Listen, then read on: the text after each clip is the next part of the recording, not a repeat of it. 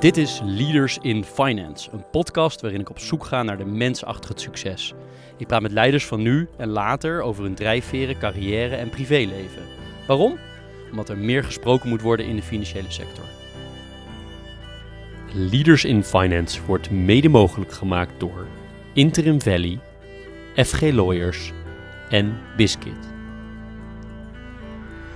Welkom bij een nieuwe aflevering van Leaders in Finance.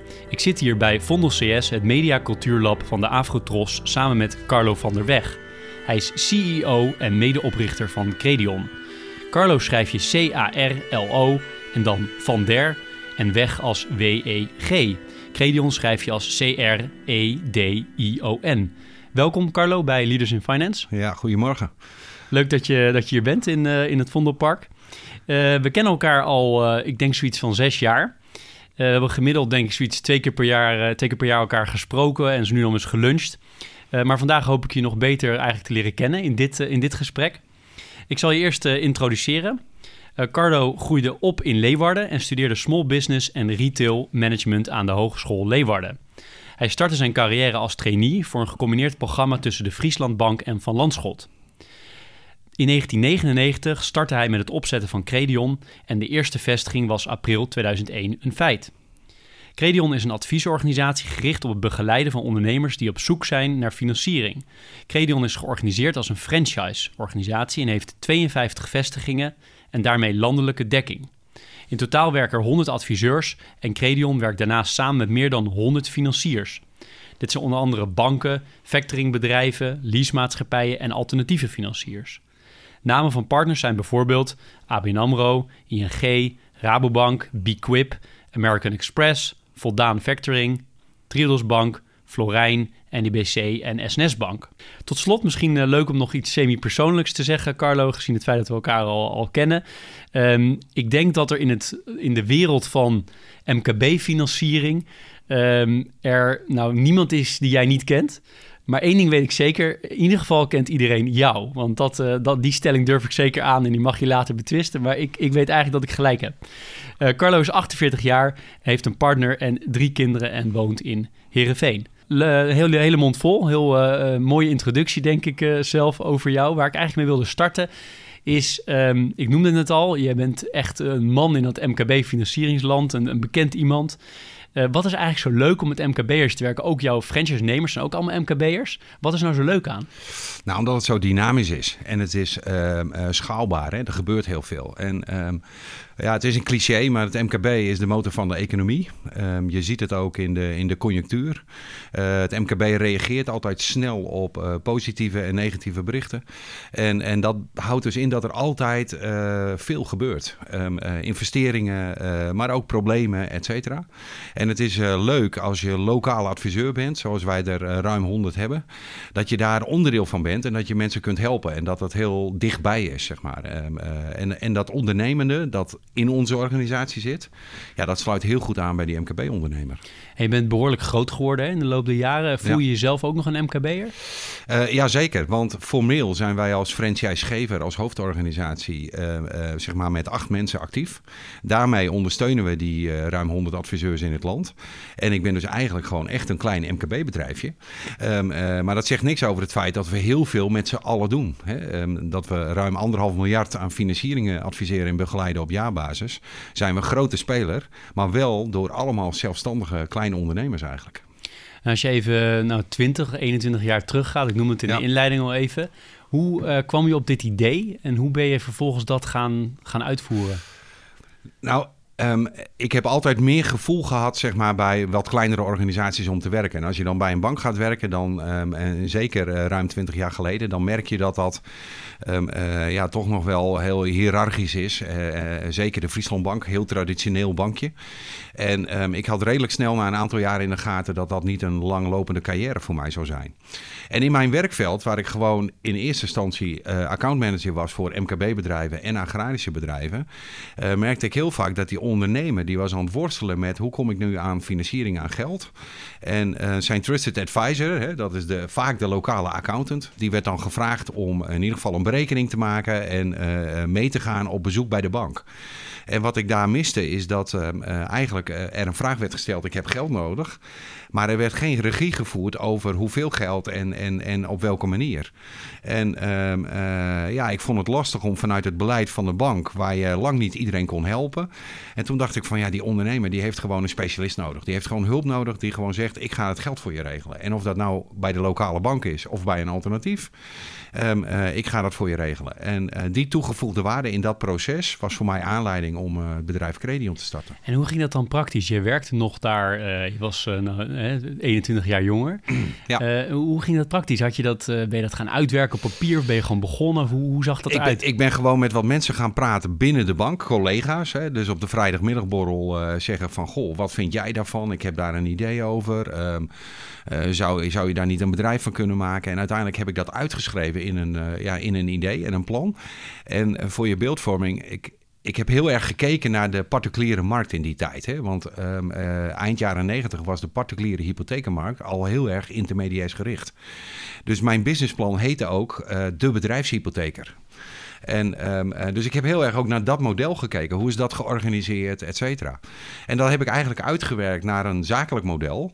Waarbij één grote uh, mutatie zat ten opzichte van het particuliere model. Dat was eigenlijk de verdiensten. Hè. Toen was het nog heel erg provisie gestuurd. Maar ik voorzag echt een groot probleem om die provisiestructuren voor het zakelijk bedrijf rond te krijgen. Dus ik heb gezegd, we gaan in opdracht werken van de ondernemer. Dat hebben we altijd gedaan. En het enige wat we die financieren en die bank gaan vragen, is of die uh, voor al het werk wat we doen, uh, de klant een korting zou willen geven. En dat is eigenlijk vanaf het begin wel gelukt. En, um, uh, maar verder zijn die modellen gelijk. En uh, toen dat uitgewerkt was, hadden we natuurlijk wel tijd nodig om dat uh, ja, qua software, concept en al die dingen zeg maar eerst te organiseren. Want je zegt we, je hebt het samen gedaan? Of, Ja, nou ja, en we was um, vooral omdat um, één mede-collega in die tijd, die uiteindelijk niet meegekomen is. Um, uh, toen de uiteindelijke investeringsbeslissing en, en de start uh, gemaakt moest worden. Um, uh, en ik ben op zoek gegaan naar een investeerder, want ik voorzag dat ik wel minimaal een jaar, anderhalf jaar nodig had om dat concept uit te werken. Want een franchise-nemer gaat natuurlijk nooit instappen op een businessplan. Die wil zien dat de dingen al georganiseerd zijn. Dus wij hebben heel erg vol geïnvesteerd om dingen te maken. En op dat moment uh, zijn de eerste mensen dus anderhalf jaar later uh, ingestapt. Je hebt toen een financier gevonden. Was dat het eigen netwerk? Of is dat, uh, mag je dat delen? Of is dat, Jazeker. Um, bestaat nog steeds. Ze zijn ook nog steeds mede aandeelhouder. Het, het valt onder het kopje Smart Money. Um, het was een oud Rabobank-directeur, lokaal in Heerenveen... Um, die de bank had verlaten en een investeringsmaatschappij had opgezet. En die ja, die begreep dus heel goed wat ik ging doen. Um, uh, en die is dus uh, mee ingestapt als investeerder. En, um, uh, en vandaag de dag nog steeds. PMH Investments. Um, zij doen vooral investeren en participeren in de maakindustrie. Van, van babyvoeding tot horecazauzen en noem maar op. En wat ze bij ons doen, hebben ze ook geen exit-strategie op. Dat is eigenlijk ja, hun, hun, hun hun eigen kennis en ervaring. En zij vinden het gewoon erg leuk dat wij een, een financieringsbedrijf hebben. En vanaf het begin waren ze ook betrokken inhoudelijk of waren ze puur financier? Nee, ze waren ook uiteraard uh, mede uh, betrokken qua inhoudelijkheid. Omdat ja, degene ook jarenlang in het zakelijk bedrijf van de Rabobank had rondgelopen. Ja. En wat, als je terugdenkt aan die tijd, wat vond je, hoe vond je dat en waar liep je tegenaan? Wat vond je zwaar? Um, nou, het meestal, kijk, dat marketingtechnisch uitwerken en dat concept maken, dat, dat gaf gewoon heel veel energie. En dan komt er uiteindelijk een definitieve naam en een logo en briefpapier en al die dingen meer. Nou, dat, dat is gewoon heel leuk om dat te ontwikkelen. Uh, het meest lastige vond ik op een gegeven moment toch om die inkoopafspraken te gaan maken. En um, ja, ik ging dus eigenlijk als uh, 29-jarig jongetje, zeg ik maar. Uh, ging ik in mijn eerste lease-autootje richting Amsterdam naar de grootbanken toe om te vragen of ze met mij wouden samenwerken. En um, eigenlijk kreeg ik alleen maar reacties van: Goh, wat jij wil gaat nooit lukken. Wij hebben de relatie met die ondernemer en um, ja, daar ga je echt nooit tussenkomen. En ehm, eh, ja, dat heeft me ook wel eens wat angst gegeven van nou gaat het inderdaad wel lukken. Maar we zijn doorgegaan. We hebben vertrouwen erin gehad dat ondernemers uh, ons gingen inhuren. Uh, daar speelde de bank wat ons betreft ook geen rol. En uh, we hebben eigenlijk ook vanaf de start daar nooit geen problemen mee gehad. Dus um, het, wat, het was meer het bankaire ego wat ons tegenstond dan wat de ondernemer vond. En um, uh, ja, tegenwoordig komen ze allemaal netjes uh, naar Heerenveen om afspraken met ons te maken. Dus dat is wel wat ik bereikt heb. ze komen naar je toe. Dat is mooi. En heb je als, je, als je ook aan die tijd terugdenkt, heb je bepaalde mensen gehad waarvan je zegt die waren echt cruciaal om door te gaan? Um, ja, daar zitten mensen bij van het eerste uur qua adviseurs. Hè. We hebben denk ik nu nog steeds uh, twee, drie adviseurs die vanaf het eerste uur onze rol invullen. En die hebben ook heel erg meegeholpen natuurlijk in de ontwikkeling van het concept. Dus dat is heel belangrijk geweest. Nou, uh, de PMH Investments uiteraard. Niet alleen financieel, maar vooral de steun. Ook door de conjunctuur heen. Want in de kredietcrisis hebben wij later natuurlijk ook weer een hele lastige periode gehad. Toen hebben zij hun investeringsrol ook weer wel degelijk moeten pakken. Um, um, dus dat, dat, is, dat zijn eigenlijk wel de belangrijkste mensen die uh, uh, mij geholpen hebben. En hoe kom je aan die eerste franchise-nemers? Want die, die moeten maar in een concept stappen... wat dan misschien een beetje gestart is... maar nog helemaal zich moet bewijzen. Ja, dat, dat, dat is echt een traject geweest. Wat, we, uh, wat ik gedaan heb... Ik, heb een, ik voorzag in die tijd combinaties van dienstverleners. Net zoals je dat in de hypothekenmarkt zag. Alle makelaars hadden een hypotheekkantoor. Dus wat ben ik gaan doen? Ik heb gewoon alle uh, bedrijfsonroerend goedmakelaars in Nederland uh, door een, uh, een callcenter laten benaderen om een keer met mij in gesprek te gaan. En ik ben gewoon door Nederland gaan rijden en met die makelaars gaan praten van goh, jij, jij bent transactiegericht op die panden. Kom je wel eens een klant tegen die zijn financiering niet rondkrijgt. Nou, zou je niet een bankier bijvoorbeeld naast je willen neerzetten, in mijn concept, die dan die hypotheken kan regelen voor die ondernemers? Nou, en zo zijn er een aantal geweest die dat interessant vonden. En uh, die kenden dan lokaal weer bankiers die ze gingen benaderen van... goh, ik ga een concept uh, starten, uh, zou jij het voor me willen uitvoeren? En um, ja, dat heeft dus inderdaad best wel lang geduurd voordat je dan op de eerste plek startte. En dan krijg je referentie. Dan kunnen mensen ook op bestaande vestigingen gaan praten. Maar die eerste twee, drie jaar was dat echt duwen en trekken, ja. En hoe snel is het toen gegroeid? Dus nu in de inleiding zeiden we geloof 52 vestigingen. Ja. Wanneer waren de eerste tien er? Nou, even, even een, een, een korte timeline. Hè. We, um, uh, in 2005 waren er 25 vestigingen. Uh, dat was ook de reden op dat moment om met landelijke promotieactiviteiten te starten, et cetera. Dus we hebben in uh, pak een beetje vier jaar tijd toen 25 vestigingen geopend. En um, uh, dat is doorgegroeid naar zo'n 35 in 2009. En toen hebben we wel weer uh, 10, 12 vestigingen los moeten laten. Um, uh, eigenlijk om twee redenen. Uh, we hadden mensen die vonden het echt niet leuk om in die begin van de kredietcrisis het werk uit te voeren. Want er waren eigenlijk bijna geen financiers open. Dus die zeiden, ja, ik kan eigenlijk niemand helpen, ik vind het niet leuk. Uh, plus we hadden mensen die uh, op dat moment uh, commercieel ook het hoofd niet boven water konden houden. Dus, um, dus toen zijn we echt wel even teruggegaan. En um, vanaf 2012, 13 zijn wij heel veel ook met accountants gaan samenwerken. Wij zagen de accountants worstelen ook met die financieringsvraag van hun klanten. En wij hadden natuurlijk op dat moment al een volwaardig concept te bieden met heel veel inkooplijnen, met alternatieven die zij zelf niet kenden. En um, dus toen zijn we heel hard gegroeid naar de aantallen die we vandaag de dag hebben. En uh, we hebben op dit moment ook niet ja, ruimte meer om um, vestigingen te starten. We groeien op dit moment vooral met mensen op kantoren. Dus uh, vestigingen gaan van twee naar drie naar vier adviseurs, zeg maar.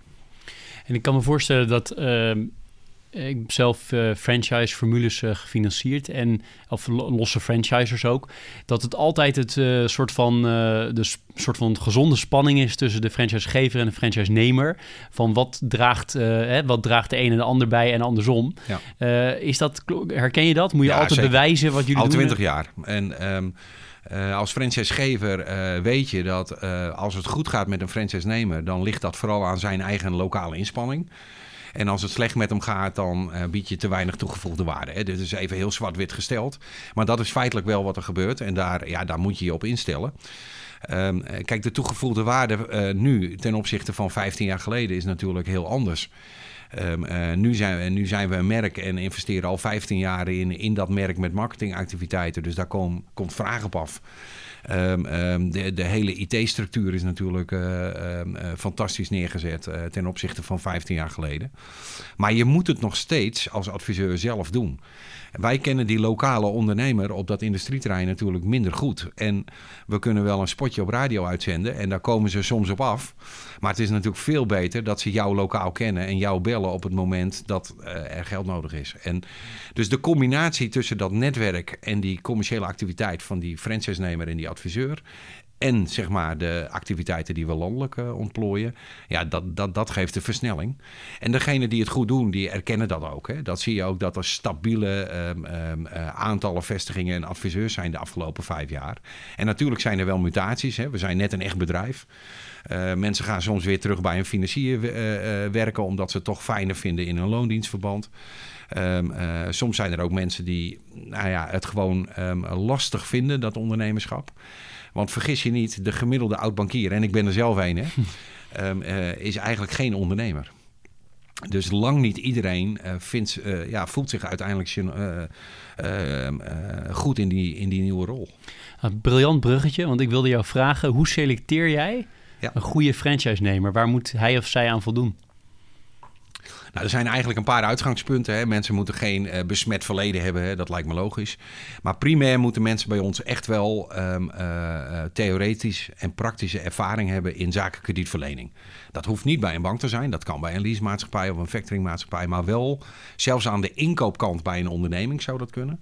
Maar ze moeten wel die theoretische en praktische ervaring hebben. Want het is heel lastig voor ons om een adviseur die gelijk de weg op moet, um, daar een, een opleiding voor te bieden. Want die is er namelijk niet.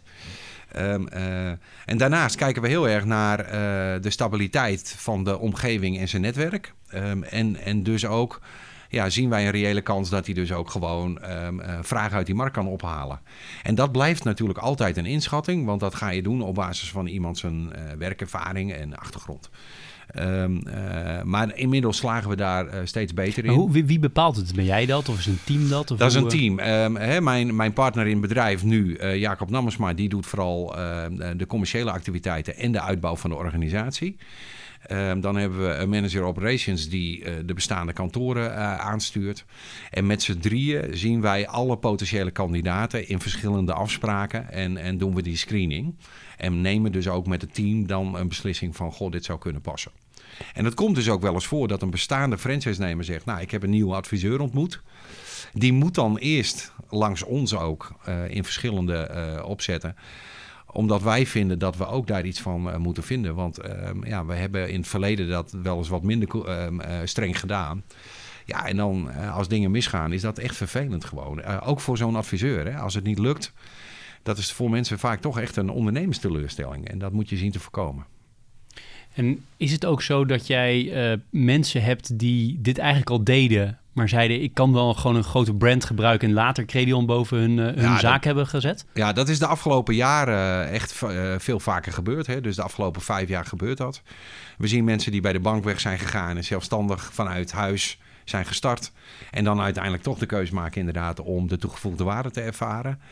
Uh, we zien ook wel wat mensen die dat in combinatie met een accountant zijn gestart en dan toch merken dat een bankier um, een andere achtergrond heeft dan een accountant en er dan toch liever voor kiezen om uh, bij een, bij een, een, uh, ja, een bankiers, een, een adviesorganisatie specifiek op hun rol te horen.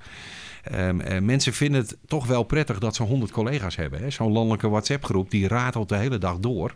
Het is toch wel fijn dat je gewoon iemand een vraag kunt stellen. En, um, dus dat gebeurt steeds meer. Ja. Heb je nog dames als franchise-nemer? Uh, we hebben uh, geen, franchise, uh, geen dames als franchise-nemer, maar wel als adviseur. Het zijn er niet veel, maar het is een beetje een natuurlijke afspiegeling van wat je ook bij banken ziet.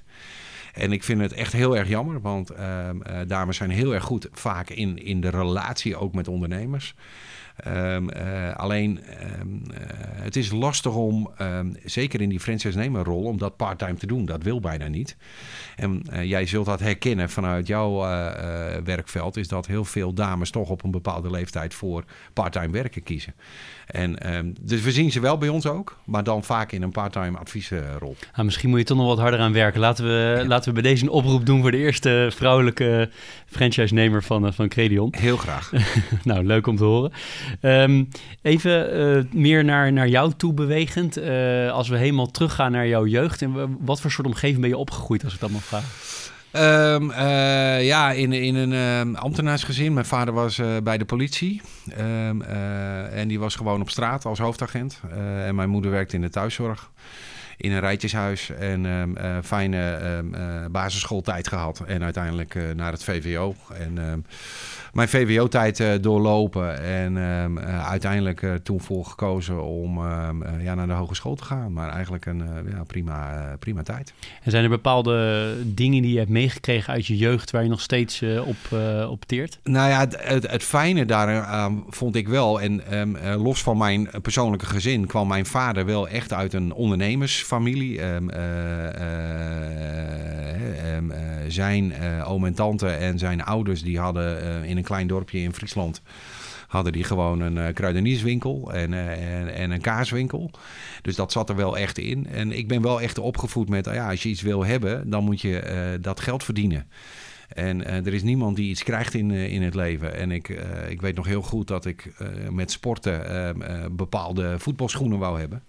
En dat mijn vader zei van, nou, je krijgt zoveel van mij. En als je duurdere wil, is prima, maar dan ga je maar aan het werk. En dat betekende wel dat ik vanaf 12, 13 jaar inderdaad ja, allerlei bijbaantjes had om, om dat soort dingen ook te kunnen doen. En ik, ik merk dat ik zo mijn kinderen ook opvoed. Um, en, en, um, en dat is niet alleen voor het geld, maar vooral voor uh, uh, de inzet en de voldoening die je ervan krijgt en de sociale contacten. En ik zie het aan mijn oudste twee kinderen, die, uh, die worden daar echt een ander mens van. Dat doet hun gewoon goed. Dus dat heb ik wel echt meegekregen. En het feit dat je vader uh, bij de politie zat, uh, deed dat nog wat met, uh, met de verhalen waarmee er thuis gekomen werd? Dus je ziet ook de andere kant van de samenleving dan waarschijnlijk? Ja, maar dat was in die tijd ehm, ehm, niet. Mijn vader had daar, ehm, die schermde dat wel af voor het gezin. Dus daar heb ik eigenlijk nooit echt iets. een aantal keren dat er bijvoorbeeld hele grote ernstige ongelukken waar hij bij betrokken was. Daar, dan dan wisten wij dat hij daar wat last van had. Hè? Dus dan, dat wist ik. Maar uh, details werden daar uh, nooit over gedeeld. Ik heb er geen last van gehad. Maar jij of broers of zussen, die wilden niet ook uh, politie, man of vrouw worden? Nee, nee, nee, geen enkel moment. Nee. en wanneer wist je dat je ondernemer wilde gaan worden? Ook al begon je bij een bank? Uh, dat wist ik eigenlijk al in mijn studietijd. Ik ben heel actief geweest, ook in het verenigingsleven. Uh, en uiteindelijk ook uh, buiten de vereniging eh, veel dingen georganiseerd... waar we al geld mee verdienden met een studentengroepje. En ik heb altijd al gedacht van, ja, dit, dit vind ik toch wel het leukste om te doen. En die vrijheid gewoon om zelf je keuzes deels te kunnen maken. En um, vooral de voldoening als je dan succesvol bent, dat je dat voor jezelf doet. Dat, dat vond ik heel uh, erg ja, en vind ik heel erg belangrijk. En waarom dan de bank? Nou, omdat um, uh, als je dan uh, zeg maar schoolverlaten bent, dan ben je in eerste instantie natuurlijk toch wel op zoek naar, die, naar dat werkervaring. En um, in die tijd, begin jaar, of midden jaren negentig, waren alle banken eigenlijk die hadden elk jaar zo'n eliteklasje. En ja, mijn oog viel op een pagina grote advertentie in de Leeuwarden Krant. Um, uh, dat ze weer gingen werven voor zo'n uh, klasje. En ik dacht van, nou, ik ga, het, ga het gewoon proberen. Het lijkt me weer interessant om eens te kijken wat ze te bieden hebben. En ik rolde daar vanuit 500 sollicitanten doorheen naar een groepje van 10. En uh, dus ik heb daar ja, heel veel geleerd en heel veel uh, opleidingen mogen doen in, in twee jaar tijd. Dus super interessant. Maar toen ik één keer in het werk zat, merkte ik inderdaad wel, waar ik, wat ik ook in mijn introductie zei, dat ik het veel belangrijker vind eigenlijk om, om dicht bij die ondernemer te staan en daar ook uh, keuzes te kunnen maken. En niet vanuit een beleid wat ergens op een hoofdkantoor wordt gemaakt. En zijn er uh, zijn er bepaalde normen en waarden die je hebt meegekregen waarvan je zegt, die, die heb ik nog steeds altijd bij me in mijn dagelijkse werk? Uh, ja, uh, wat belangrijk is, de normen en waarden die uh, bij ons thuis heel erg gelden, is nooit liegen en jokken. Dat, want dat is veel erger dan gewoon vertellen dat je iets hebt gedaan wat niet mocht. Um, en, en dat doe ik ook altijd in mijn zakelijk uh, leven. Uh, uh, gewoon eerlijk zijn, ook als dingen niet leuk zijn. Gewoon eerlijk zijn. En dat is vrij hard. Is ook wel vrij Fries, om het zo maar te zeggen. gewoon recht vooruit. En, en daar kom je echt altijd het verste mee. Dus dat is echt wel het aller, allerbelangrijkste wat ik ehm, voor ogen heb. en wat ik geleerd heb in mijn ondernemerschap... En, is dat je onderbuik echt, echt heel erg belangrijk is. Ehm, ehm, als je onderbuik zegt dat je iets wel of niet moet doen, ehm, dan moet je daar wel echt rekening mee houden. En ik heb me vaak over laten halen in het begin, eh, omdat je ook gevoelsmatig eh, van jezelf vindt dat je onervaren bent. Maar achteraf gezien eh, moet je dat niet doen. Het is echt belangrijk om dat te doen, want dan weet je ook zeker dat je de keuzes maakt waar je achter staat. En we hebben het afgelopen gesprekken de laatste tijd vaak met gasten over dit intuïtie, hè, dat gut feeling. Hoe, hoe voel je dat?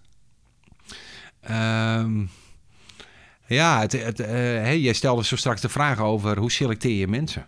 En soms is het gewoon echt vervelend, maar dan hebben mensen een prima cv en achtergrond. Maar dan heb je ze twee keer ontmoet en dan heb je in je gevoel gewoon het idee van deze mensen gaan het niet doen. Of deze mensen die, die passen niet binnen de organisatie.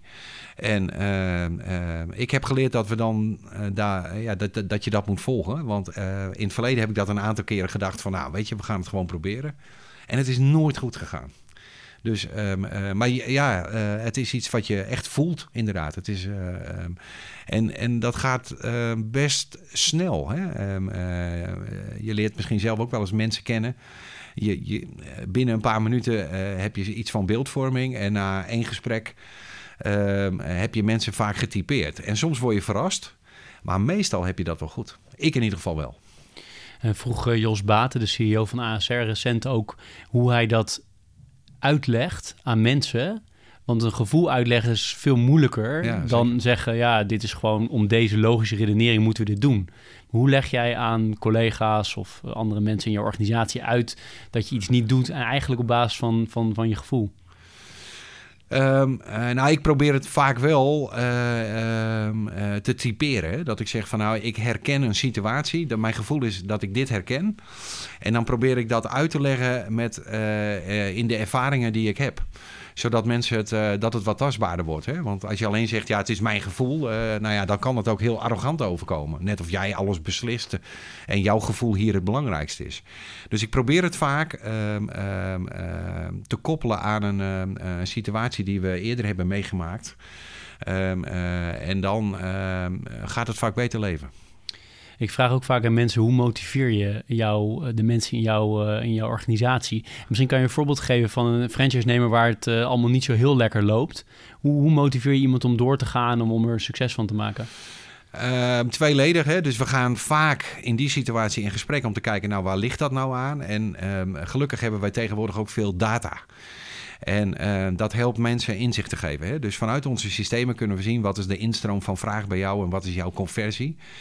Um, uh, hoeveel omzet maak jij op vraag? Uh, al die dingen. Dus we proberen mensen heel erg inzicht te geven in wat is gemiddeld binnen, binnen onze organisatie, binnen Credion een feit. En, en, en hoe presteer jij? Dus um, uh, je ziet dat uh, mensen uh, bijvoorbeeld een veel te laag gemiddelde dossiergrootte hebben, dan wel een gemiddelde factuurgrootte die veel te laag is. En dan gaan we ze dan ook mee helpen van hoe krijg je nou die sales beter op orde? Hè? Waar, waar zit de terughoudendheid? Maar ook als er te weinig instroom is, ja, dan helpen we mensen met inzicht geven van oké, waar zou je marketinginspanningen lokaal kunnen doen om die instroom te verhogen. Dus, um, maar wat ik wel altijd belangrijk vind, is mensen te wijzen en inzicht te geven in uh, waar die problemen vandaan zouden kunnen komen. Soms zit het ook gewoon in dat mensen zeggen: Ja, maar ik vind het niet leuk om te netwerken en ik ga niet naar buiten. Ja, dan moet je soms ook hard zeggen, maar dan uh, zal het ook niet veel beter gaan dan dat het nu gaat. En. Uh, uh, maar als je dat inzichtelijk maakt, dan heb je in ieder geval nooit een, een persoonlijk probleem met iemand. En hoe motiveer je jezelf? Of zijn er andere mensen die jou heel erg motiveren? Nou ja, goed, als je, als, als je uh, ruim 20 jaar ondernemer bent, uh, uh, dan is het soms goed om mensen van buiten te laten vertellen wat ze van je vinden, dan wel van je onderneming.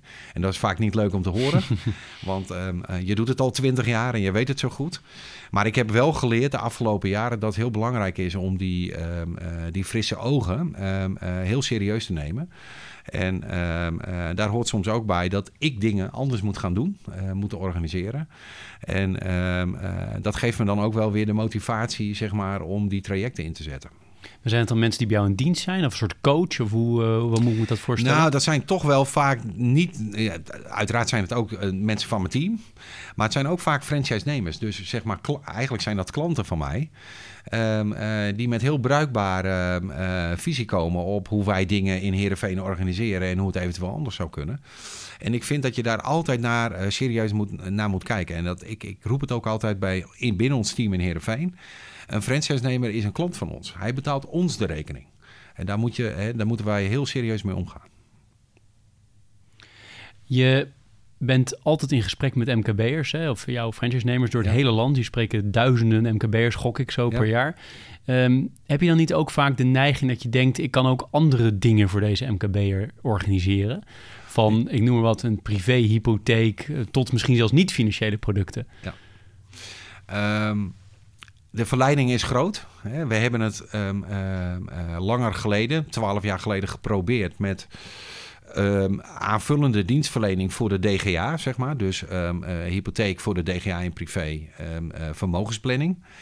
Dat is een ander type adviseur wat je dan bij moet schakelen. Dat is ook een andere bloedgroep en, en daar zijn we niet succesvol geworden. En de reden daarvan is eigenlijk tweeledig. Eén, omdat het een andere doelgroep is. En dus ook een adviseur die ja, eigenlijk niet matcht. En twee, het team in Heerenveen heeft geen inhoudelijke kennis van die adviesdienst. En je kan nooit franchisegever zijn van iets waar je zelf niet heel veel verstand van hebt. En dat is toen ook het moment geweest dat ik gezegd, ga ik nooit meer doen. We gaan samenwerken met partijen die daar goed in zijn. Dus we kiezen altijd voor het samenwerkingsmodel. En um, um, uh, schoenmaker blijft bij je leest. Wij zijn goed in uh, het organiseren van geld binnen MKB-bedrijven. En dat kan eigen vermogen zijn, dat kan vreemd vermogen zijn en alles wat daartussen zit. Uh, maar dat is het enige wat we doen. En uh, dat zullen we ook altijd blijven doen. Je hebt natuurlijk de afgelopen jaren misschien 15 jaar enorme hoeveelheid andere soorten financiers zien opstaan. Hè? Toen jij begon waren, ja. dat, was het nog redelijk overzichtelijk. Ja. Nu zijn het er heel veel meer. Ja. Uh, wat voor alternatieve financiers, uh, balance sheet lenders, crowdfunders, leasemaatschappij, nou van alles. Hè. Ook als je op jullie website kijkt, een enorme hoeveelheid logos waar je mee, mee samenwerkt. Um, is dat eigenlijk niet heel gunstig geweest voor jou? Omdat je daardoor juist de weg kan leiden? Zeker. Um, hè, dus wat ik al zei, hè, dus vanuit de kredietcrisis vanaf 2012, 13 um, hebben wij natuurlijk um, uh, de marktomstandigheden meegehad. Banken lieten mensen los. Mensen gingen op, op zoek naar uh, alternatieve invulling van hun kennis en ervaring. Um, je zag dat het MKB op zoek was naar geld wat uh, slecht beschikbaar was. En je zag er alternatieve, alternatieve financiers opkomen. Um, en een verschil met uh, banken bij die alternatieven is, is dat ze geen distributiekanaal hebben. Ze beginnen vaak in een hoofdkantoortje, hebben vaak een online propositie waarbij ze zeggen, nou, als je geld nodig hebt, bel ons of, of, of vul een contactformulier in. En um, uh, daar hebben ze dan een internet marketingstrategie op. En uh, al die uh, alternatieve financiers komen daar redelijk snel op terug. Van nou, er komt veel op af, maar ik kan er niet zo heel veel mee. En die gaan dus op zoek naar distributie. En ja, dan ben je interessant, omdat wij landelijke dekking hadden. komen ze vaak bij ons om te vragen, nou, mogen we bij jou in, in de tas? Hè? Um, en dan gaan we kritisch kijken van, oké, okay, wat heb je dan voor producten bieden? Hebben, is daar vraag naar? En vinden we dat product qua voorwaarden ook interessant genoeg om onze klanten aan te bieden? Dus we hebben de tijd echt mee gehad. Als je kijkt naar jouw uh, agenda, hè? Ja. Je, je kan natuurlijk altijd meer werken. Alleen al 52 man bezoeken. Um, lijkt mij, als je dat zou willen, al enorm veel tijd kost. Ook omdat ja, misschien door corona het iets makkelijker wordt om digitaal te doen. Maar je wilt er ook nog wel mensen in persoon zien. Je kan uh, bezig gaan met aan die andere kant, aan de financierskant, om die, al die relaties te onderhouden. Volgens mij kan je met gemak uh, acht dagen per week uh, werken. Ja. Maar hoe ziet jouw agenda eruit en hoe manage je dat? Um, nou, wat we inmiddels dus georganiseerd hebben, is dus in de operatie um, hebben we dus echt mensen die dagelijks contact hebben met onze adviseurs. Uh, maar ik word nog steeds vaak gebeld. Waar zou ik dit kunnen financieren, et cetera. Dat vind ik ook leuk. Onder het voorbehoud dat, dat, ja, dat ik niet altijd bereikbaar ben. Maar over het algemeen gaat dat vrij goed. Um, ik blijf daar ook graag bij betrokken, want dat geeft mij ook de ervaring uit de praktijk die ik meeneem in de contacten met die financiers. Want dat is wel een ding wat nog steeds vol in mijn agenda zit, is dat ik zelf veel contact heb met uh, de partijen waarmee wij samenwerken. En productdienstontwikkeling is iets waar wij ehm, ja, veel tijd en energie aan besteden. En, en dat geeft mij ook heel veel energie om door te gaan met dit bedrijf. Zoals je weet, uh, we hebben daar wel vaker over gehad. Ik heb ooit bedacht dat onze onderneming een bank zonder balans zou moeten zijn. Wij willen graag al het werk doen, maar niet voor een eigen financieringsproduct. Want we moeten aan de voorkant onafhankelijk blijven. Maar we willen wel graag alles kunnen bieden. Dus inmiddels hebben we niet alleen een front office met een, een, een perfect IT-systeem. Maar we hebben daaraan gekoppeld inmiddels ook een mid- en back-office systeem. Dus we kunnen ook financiers niet alleen helpen aan een klant maar die kunnen we ook helpen met het werk wat zij moeten uitvoeren. En ehm, ja, daar zit ook heel veel tijd en energie uh, uh, van mij om te kijken dat we dat voor elkaar krijgen. En inmiddels doen we dat voor een aantal partijen. En ehm, dat was ooit de droom en die begint nu uh, redelijk werkelijkheid te worden. Dus ehm, Ehm, want ik krijg ook wel vaak de vraag: hoe lang ga je dit nog doen? en ehm, ja, dan zit daar juist de energie om dat uh, de komende jaren te gaan bereiken. Maar nog even nog een beetje terug naar mijn vraag. Ja. Uh, iets concreter misschien nog. Ja. Je moet ook tegen heel veel dingen nee zeggen. Want dat zit achter klopt. mijn vraag. Want hoe, hoe manage je dat? Ja, nou, um, uh, individueel kantoorbezoek, uh, kom je even een keer langs, et cetera. Ja, dat, dat is echt lastig. Maar ik zie mijn mensen wel. Want wij hebben overlegstructuren met regio-overleggen en landelijke overleggen. En daar, daar ben ik altijd bij. Maar individuele op vestigingen uh, kom ik eigenlijk bijna niet meer. En, uh, dus dat is een keus geweest. Um, uh, een andere keuze is dat ik heel veel gevraagd word om in allerlei uh, uh, marketing, operationele dingen betrokken te zijn. Nou, daar heb ik lang niet altijd de tijd meer voor en, en dat doe ik dus ook niet. En de keuzes daarin laat ik ook echt aan degene die bij ons daarvoor aangewezen is. Dus dat zijn wel echt twee keuzes die de afgelopen jaren echt zijn gemaakt. Dus mijn agenda bestaat ja, daardoor twee, drie dagen uit inkoop. Dus, en inkoop voor ons zijn dus de contacten met financiers.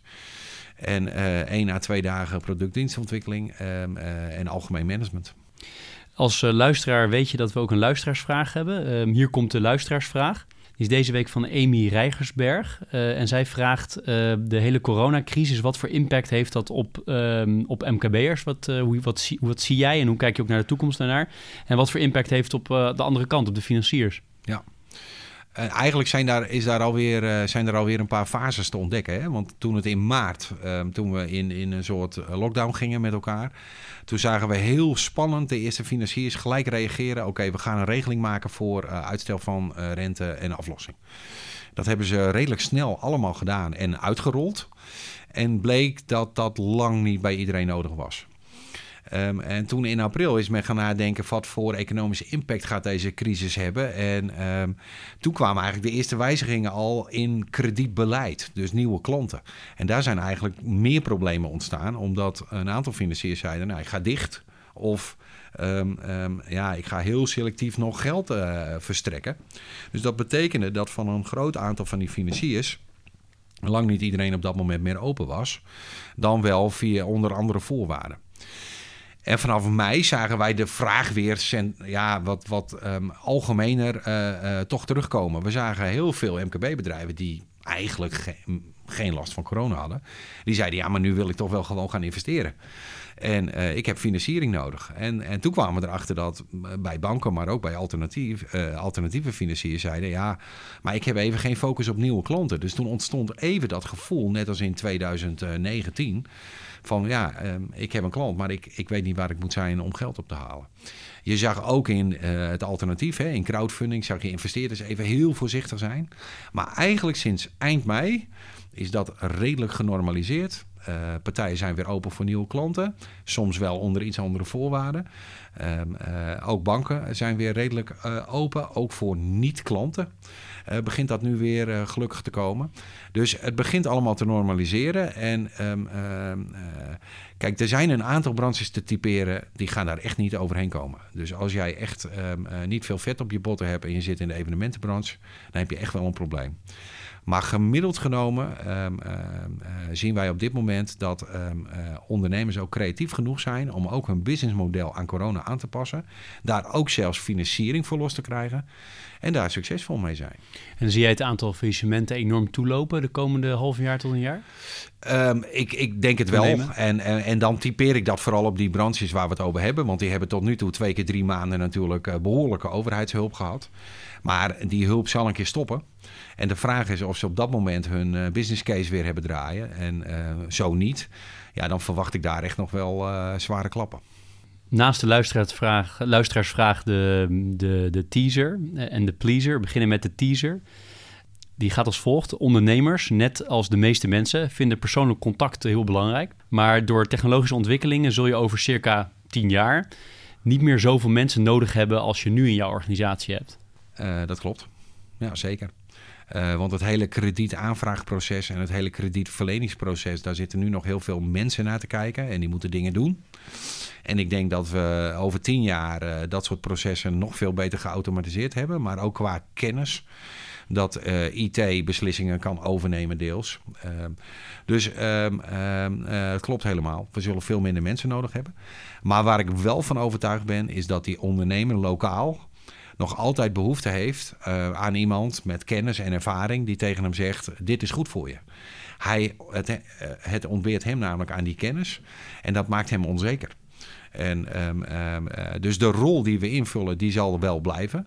Maar op een andere manier, in een heel ander proces.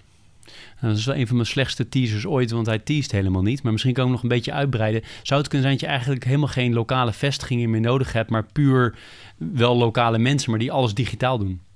Ja, dat zou kunnen. Uh, maar dan voorzie ik dus inderdaad een, uh, uh, wat we nu in corona een beetje hebben geleerd dat je beter binnen kan blijven en via je scherm dingen kan organiseren. En ik denk dat, dat we dat ook deels wel geleerd hebben. En dat ook in onze processen hebben wij de afgelopen maanden gezien dat we ondernemers die we niet kennen, maar leren kennen online. Um, volledig online ook kunnen servicen met een uh, dienstverleningstraject en een financiering. Dus uh, ik geloof daar wel in. Aan de pleasende kant vragen we altijd uh, of je een bepaald, uh, bepaald boek hebt wat je erg mooi vond of wat je graag leest. Of uh, meer in de zin van een film of een Netflix-serie of iets, iets in die hoek wat, wat, jou, wat jij leuk ja, vindt. Ja, ik, ik, um, ik, ik lees minder boeken en ik kijk meer Netflix, om het zo maar te zeggen. En um, ja, dan ben ik vooral van de Scandinavische, beetje de krimis, om het zo maar te zeggen. En... Ja, dat, dat, ik kan er een aantal noemen, maar Carpi is, uh, ja, die heb ik uh, kort geleden gezien en die vond ik erg leuk. Uh, dus als mensen daar ook van houden, dan is dat wel um, echt een goede tip. En waarom lees je niet? Um, of weinig? nou, ik, ik, ehm, ik lees heel vaak, als ik lees, dan lees ik op vakantie. wanneer ik even rust heb. Maar ik moet eerlijk bekennen dat ik in mijn nou ja, werkweek uh, pas s'avonds wat later het moment heb dat ik zeg van nou ga ik even zitten. En dan vind ik het iets makkelijker om ook met mijn partner iets te kijken. Um, zodat we daar nog even wat connectie hebben. En op vakantie uh, lees ik dan wel, maar als je in de kleine kinderen zit, word je daar ook weer vaker uitgeleid. Dus gelukkig worden ze nu wat groter en heb ik dus ook in, in de vakanties weer wat meer tijd om boeken te lezen. Mensen in het noorden zijn vaak stereotyp vrij bescheiden, maar waar ben jij het meest trots op in je loopbaan? Um, nou, ik ben, ik ben enorm trots op wat wij met z'n allen bereikt hebben. Dus vooral met mijn adviseurs. Hè. Um, um, uh, wat jij in je introductie zei, dat iedereen in de financieringswereld kent mij. Dat komt niet alleen door mij. Dat komt vooral omdat al mijn adviseurs zoveel financieringen regelen. We, daardoor zijn we een belangrijke uh, adviesorganisatie geworden. En daar ben ik echt super trots op. En wat, wat uiteindelijk, wat drijft jou? Waarom, even gewoon de waarom-vraag. Waarom doe je dit allemaal?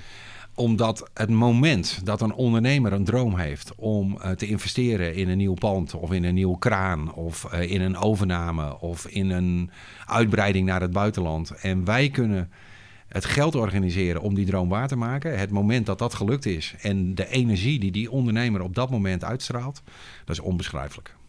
Mooi. En uh, de vraag die ik ook nog vaak stel, zo een beetje tegen het einde, is van je bent nu, uh, sta je aan het begin van je, van je loopbaan. Uh, mensen die dat nu, nu staan of net een paar jaar gewerkt hebben. Wat voor tips zou jij hen geven?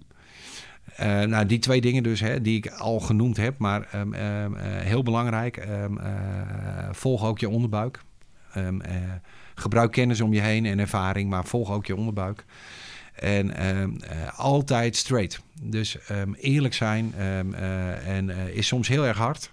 Maar brengt je veel verder dan ehm, ergens omheen draaien. En zeg je eigenlijk daarmee ook, want dit, is, dit heb je eerder ook gezegd in het gesprek, hè, hoe belangrijk je dat vindt en ook hoe erg je dat vanuit je opvoeding hebt meegekregen en ook weer aan je eigen kinderen meegeeft. Maar zeg je eigenlijk ook dat dat te weinig gebeurt?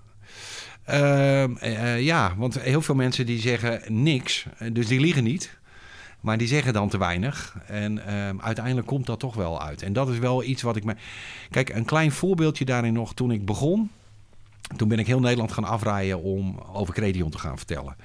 En iedereen waarschuwde mij over die regionale verschillen. Hè? Dus de, eh, de noordelijke nuchterheid, jij noemt het ook al. En, en de, de zuidelijke, um, uh, nou ja, Brabant en Limburg. En iedereen waarschuwde mij. Een ja is daar geen ja. hey, je moet eerst drie keer ja hebben. En en ik dacht van, ah, het is onzin. Ik geloof daar niet in. Maar uiteindelijk is het wel zo. Je moet daar wel rekening mee houden. En dus um, uh, is het heel belangrijk dat je uh, zelf daarin uh, straightforward bent en zorgt dat, dat jij duidelijk bent. Dat geeft het beste antwoord terug. Dat is wel interessant, want een van de dingen die ik hier had opgeschreven is van... in principe is dit model ook heel goed internationaal uit te rollen, toch? Zeker. Maar ik keek op dat kaartje van jullie en ik zie 52 vestigingen in Nederland, maar niks nog in België of in Duitsland. Eh, is daar een reden voor of komt dat nog? Nou, het staat echt al stip op de horizon. En we zijn op dit moment zelfs concreet uh, in België, Frankrijk en Duitsland in gesprek.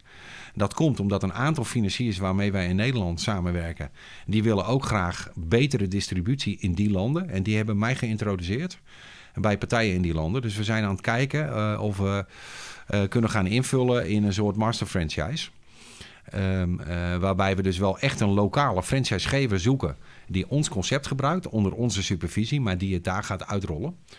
En um, uh, dus het, uh, het gaat wel gebeuren, Jeroen. Krijg je nog een iets meer een challenge op cultuurgebied dan, uh, dan binnen Nederland, denk Zeker. ik. um, je bent super enthousiast over je bedrijf, over je werk. Hoe, je besteedt er heel veel tijd aan, dat moet wel. je hebt er altijd heel veel tijd in gestoken, zeker ook toen van, om het van de grond te krijgen destijds. Hoe manage je dat als, als vader van drie kinderen met je privéleven? Um, uh, deels zijn ze, uh, moeten ze begrijpen wat je doet en uh, waarom je dat doet. Hè? Dus naarmate ze wat ouder worden, kan je ze daarin meenemen.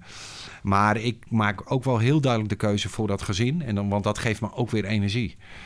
Dus ik ben ook gewoon coach van het voetbalteam. En op de zaterdagen heb ik dus ja, geen tijd voor zakelijke dingen, omdat ik dan dat inricht. Dus dat betekent wel dat, dat ik daar heel duidelijk keuzes in maak. En ik ben ook van mening dat um, je moet die gezonde balans als ondernemer ook weten te vinden. Want op het moment als je 100 plus uren in de week nodig hebt om iets te laten draaien, dan gaat er iets niet helemaal goed. Dus um, um, ik heb er wel voor gezorgd dat we samen met mijn team dat in uh, ja, een gezonde activiteit met elkaar kunnen doen. Uh, en dat je dus ook wel eens keuzes maakt om zakelijk niet naar een feestje te gaan, omdat je dan voor je gezin kiest. Ja, dat hoort erbij. Dus jouw kinderen hebben jou ook, uh, nu nog steeds, maar hebben je ook in de beginfase of eerder ook uh, genoeg gezien? zeker, ja, zeker. Ja. En dat is knap, denk ik, want dat betekent dat je ook gewoon nu dan niet bereikbaar bent voor mensen, denk ik. Ja, klopt. Dat, uh, dat hoort er dan bij. En dan uh, voor jouzelf, uh, hoe blijf je fit? Want je zit natuurlijk, je, je, bent natuurlijk wel, nou, nu met corona misschien iets minder, maar normaal best veel aan het reizen. Ja. Hoe blijf je fysiek en mentaal fit?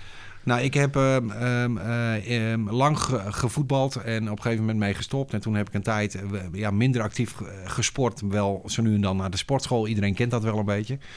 En um, uh, ik ben nu een jaar of zeven, acht geleden um, uh, ben ik begonnen met gewoon drie keer in de week een rondje van vijf kilometer hardlopen. En um, uh, gewoon in een vast ritme. En dat bevalt me supergoed en daar voel ik me goed bij. En dus gewoon drie keer in de week even de knop uit en even een half uur, drie kwartier buiten. tot het gaatje, zoals het heet. en dan, ja, dat gaat goed. Leuk. En mentaal? Blijf je scherp? Um, uh, veel met jonge mensen ook praten. Hè? Dus um, ik merk uh, mijn oudste twee kinderen, die, uh, mijn oudste is nu gaan studeren in Groningen. vind ik erg leuk om daar veel mee te praten. Maar ook, um, en daar krijg ik veel energie van. Ik praat ook met veel financiers, met veel fintechs. En er werken veel twintigers. En um, uh, die kijken soms heel anders naar dingen. En uh, ja, dat vind ik leuk. Dus daar, daar besteed ik soms net wat meer tijd aan, aan dan aan de traditionele bankier. Interessant. Voordat ik jou ga bedanken, is er nog iets waarvan jij zegt, Jeroen, dat had je echt moeten vragen of dat had ik heel graag willen vertellen of anderszins wat nog in de podcast naar voren moet komen? Nee, nee, zeker niet. iets heel bijzonders. Ehm, maar ehm, heel erg leuk dat je me uitgenodigd hebt. Want ik weet nog dat jij als kleine fintech begon. En dat we voor het eerst bij een, volgens mij een Van der Valk afspraken om daarover te praten. En erg leuk om nu zo hier met elkaar te zitten. Nou, heel leuk. Leuk, leuk dat je dat zegt. heel veel dank voor jouw tijd die je hebt genomen om met Leaders in Finance met mij in gesprek te gaan. Uh, met dank aan Bloemon krijg je zo nog een, een, bedankje voor die tijd die je erin gestoken hebt. En uh, ja, heel erg leuk gesprek, heel open, uh, met veel energie en enthousiasme. Dat, dat vind ik altijd ontzettend leuk, dus heel veel dank. Ja, geen dank. Dit was Leaders in Finance. Elke week weer een nieuwe aflevering, elke week weer een mens achter het succes. Ik vind het belangrijk om te zeggen, deze podcast zou er niet zijn zonder onze partners Interim Valley, FG Lawyers en Biscuit.